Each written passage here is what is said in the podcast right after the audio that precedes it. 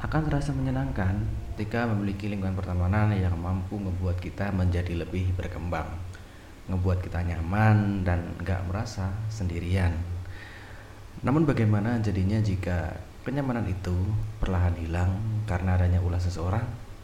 Maka bahasan kali ini adalah tentang toxic friendship bersama gua Arnata Yoga dan selamat datang di Anxiety Podcast.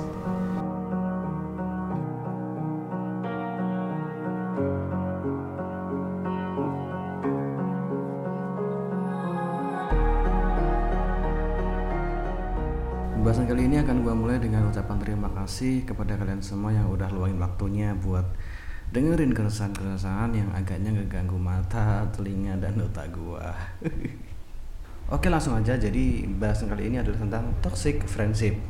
Uh, mungkin definisi gue terkait toxic friendship akan sedikit berbeda dengan kalian karena uh, menurut gue tiap orang itu kan pemikirannya masing-masing gitu jadi agak beda. Kondisi di circle pertemanan pun juga nggak sama jadi ya walaupun ada sedikit perbedaan yang penting pada intinya sama gitu. Jadi menurut gua toxic friendship itu adalah ketika di circle pertemanan tuh yang awalnya baik-baik aja kemudian mendadak berubah setelah datangnya seorang yang ngebawa hal negatif di dalamnya. Dan hal negatif itu macam-macam sih. Inilah yang menurut gua ngebedain definisi gua dengan kalian gitu uh, hal negatif itu bisa berupa kata-kata, sikap ataupun tindakan yang ngebuat ya di hubungan pertemanan kalian itu jadi ngerasa nggak nyaman gitu. Uh, bicara soal pertemanan, dulu waktu gue kuliah, gue punya circle pertemanan yang bisa dikatakan nyaman gitu. Iyalah layaknya pertemanan manusia pada umumnya. Dan di sana ada tiga orang teman gue selain gue gitu, yang yang bisa gue bilang kayak mencerminkan bineka tunggal ika gitu. Jadi gini kan bineka tunggal ika itu artinya kan berbeda-beda tetapi tetap satu. Nah ini tercermin dari persahabatan kita gitu. Di sana ada tiga orang ya. Tiga orang ini punya sifat dan karakter yang beda-beda. Agamanya pun juga beda. Jadi temen gue yang pertama namanya Safril. Safril ini muslim.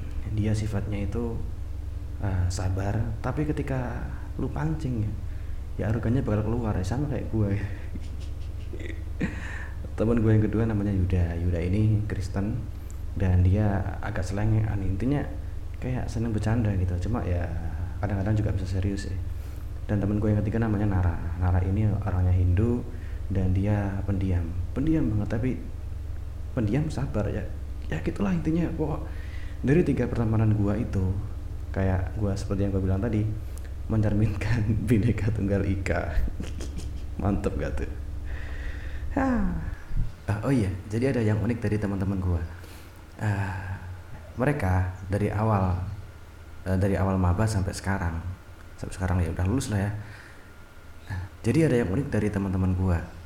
Mereka nggak pernah pindah kosan dari awal maba sampai mereka lulus gitu mereka terlalu setia dengan tempat mereka tinggal dari awal waktu tersebut. Padahal di sana kos-kosan yang terkenal angker gitu. Gimana gak angker coba? Gue pernah ada beberapa kejadian unik sih di sana. Jadi waktu itu gue sedang telepon sama cewek gue kira-kira jam ya setengah dua belasan lah kira-kira ya gue telepon di luar sendirian gitu tiba-tiba ada suara-suara aneh dari atas atap gitu kayak lu lu tau gak sih kayak orang ngedrum pakai double pedal itu duduk duduk duduk duduk duduk ya kayak gitu. Itu berjalan sekitar 10 detik. Kemudian berhenti lalu kedua kalinya bunyi lagi kayak gitu. Sampai tiga kali bunyi sama keluar. Gua sempat mikir kayak manusia mana yang jam setengah 12 ya paling sampai jam 12 ya? Manusia mana yang jam 12 malam kayak gitu ngelakuin aktivitas yang membuat dinding itu kayak bergetar gitu. Yang suaranya kayak mirip drum. Dan seketika itu gua masuk dan tidur.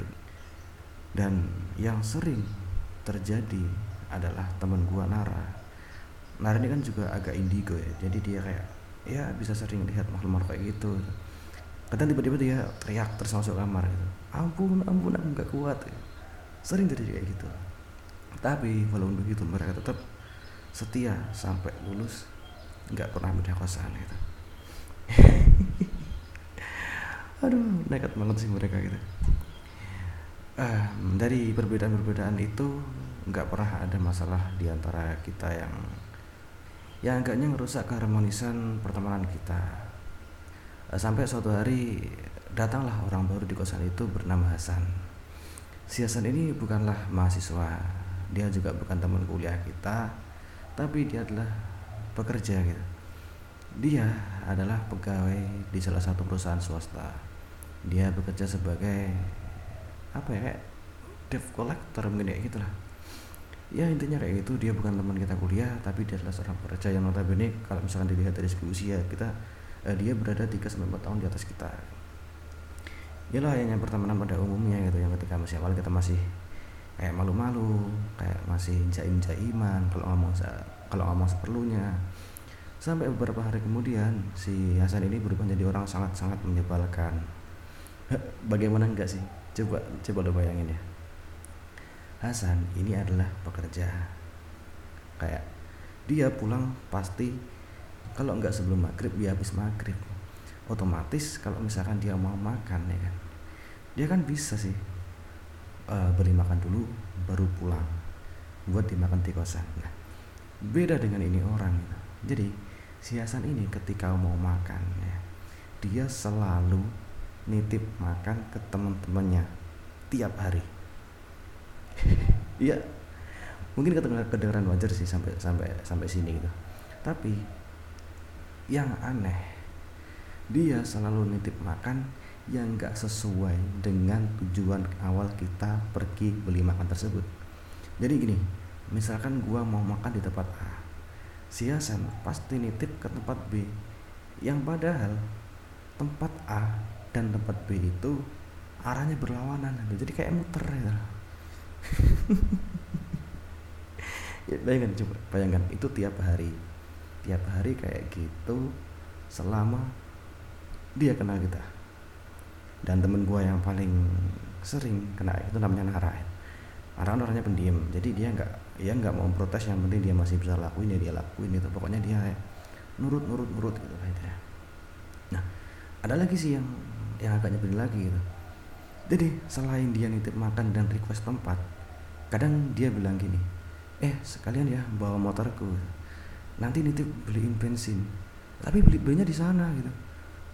Karena kalau bisa di sini takarannya kurang gini gini hasilnya gini gini. Gini jadi selain dia nitip makan yang udah request tempatnya notabene berlawanan arah dia juga nitip bensin arahnya beda lagi gitu gua gua sempat mikir ya ini orang apa enggak punya rasa kasihan itu apa enggak punya malu atau enggak punya sungkan ya sekedar kan ya bisa lah dia anggap bahwa sisanya kita itu adiknya gitu. Karena kan dari dari segi usia dia juga udah di atas kita. Uh, harusnya kan dari segi pemikiran um, dia juga lebih dewasa gitu. Kalau misalkan menyikapi hal kayak gini gitu. Bukan malah memanfaatkan teman-temannya gitu. Ya namanya orang sabar ya pasti juga akan ada habisnya gitu. Sampai suatu saat teman-teman gua itu merasa kayak dimanfaatkan. Dan di situlah uh, pembalasan dari teman-teman gua itu dilakukan gitu. jadi mereka bikin grup sendiri di dalam satu kosan itu namanya kayak anti Hasan Hasan Club. Nah, ya kan gitu kan. Jadi mereka kayak ngerjain gitu. Kayak misalkan Hasan pulang kerja mereka bareng-bareng keluar buat pergi nongkrong. Gue gue sebut di situ sih. Gue gue sebut diajak waktu itu buat nongkrong buat mereka. Dan ketika kita baru duduk baru dapat tempat duduk si Hasan telepon. Dia bilang gini ke teman namanya Safril. Fril kamu nanti pulang jam berapa? Aku nitip makan ya gitu. Dan oke. Okay. Safril balas gini. Wah kayaknya aku pulang nanti malam mas. Kalau gak gitu pagi paling gitu. Emang niatnya kita dari awal emang mau ngerjain dia. Ya ya salah siapa itu jadi orang nyebelin banget kan. Oke. okay. Dia jawab oh gak apa-apa Fril. Nanti beliin aja. Itu jam 8 ya. Karena waktu itu kan masih gerimis si Hasan belum pulang kita baru bisa keluar jam setengah delapan. Oke. Jam setengah sepuluh si Hasan telepon lagi. Fril pulang jam berapa? Safri bilang sih sambil agak emosi. Loh mas kan tadi aku bilang kalau nggak malam ya pagi gitu. oh lah yaudah gitu. Safri bilang lagi dibeliin nggak mas? Iya beliin aja gitu. dan lu tahu kita pulang jam berapa? Gua waktu itu pamit jam setengah satu. Dan setelah gua konfirmasi pagi harinya si mereka Safri dan kawan pulang subuh. Itu rasain. Ya jadi emang jadi emang mereka uh, niat banget buat ngebalas itu. Gitu iya biarin aja biar kayak dapat pembalasan kan. Ya namanya orang kan juga ada masa kayak juga ada apa sih habis kesabarannya gitu buat buat ngeladenin dia gitu.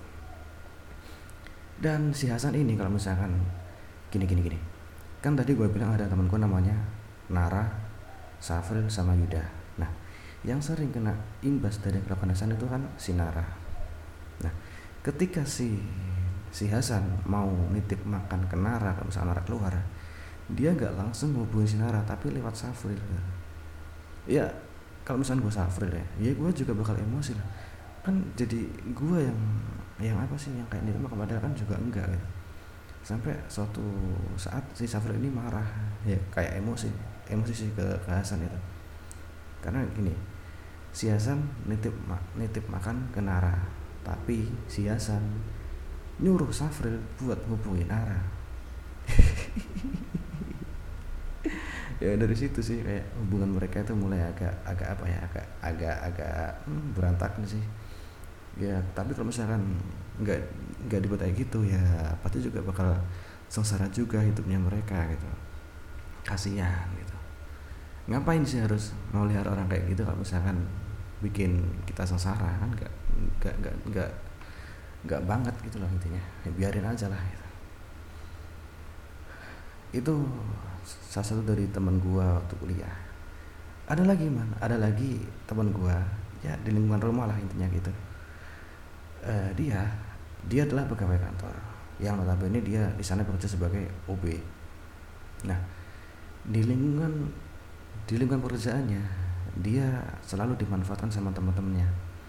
Jadi kayak jadi kayak ketika temen yang ngadain event yang mana event itu harusnya kan udah direncanain jauh-jauh hari kan.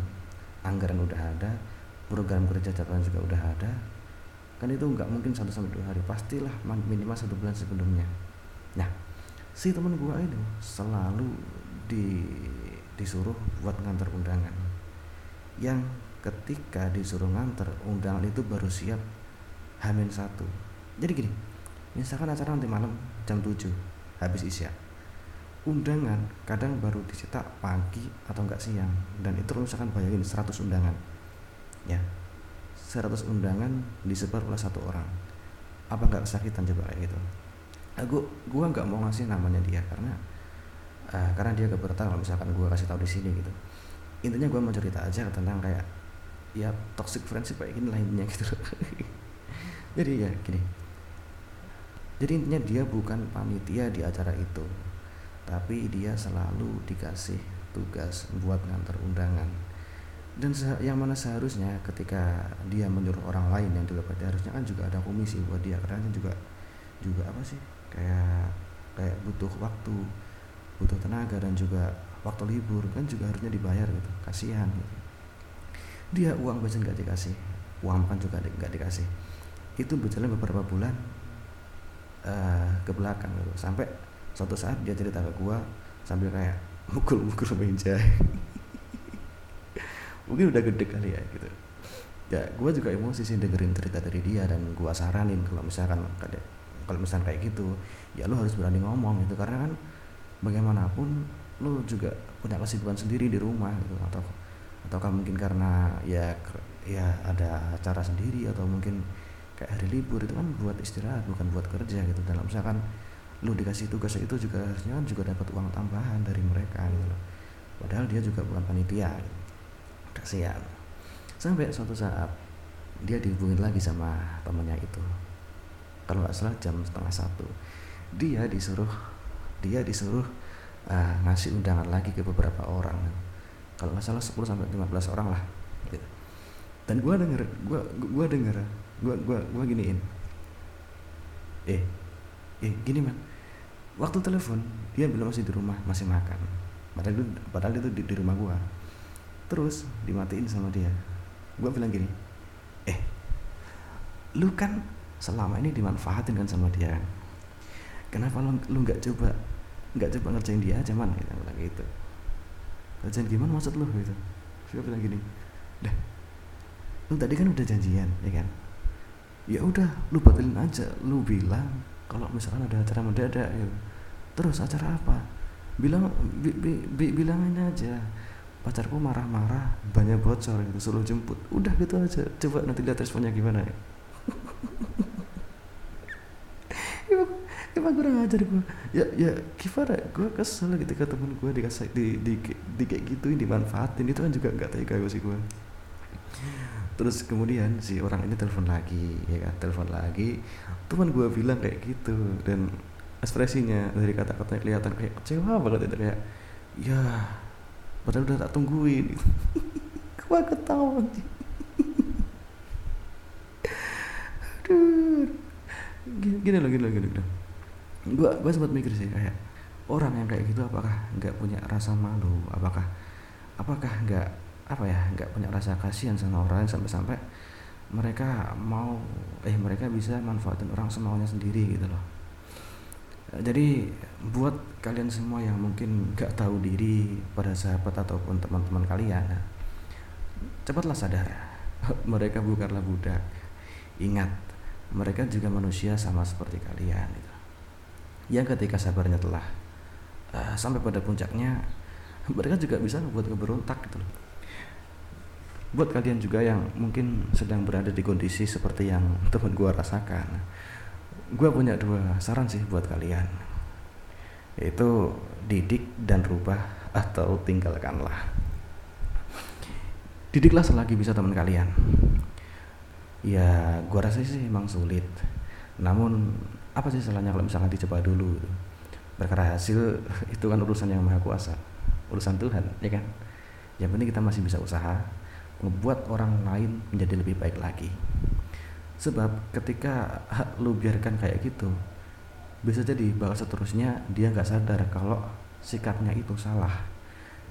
Dan bakal dijauhin oleh siapa pun orang yang ngerasa dimanfaatin sama dia. Dan ketika lu mampu merubah teman lu jadi lebih baik lagi itu menjadi sebuah kebanggaan pada diri sendiri kan namun ketika lu nggak punya pilihan lain selain meninggalkan ya tinggalkanlah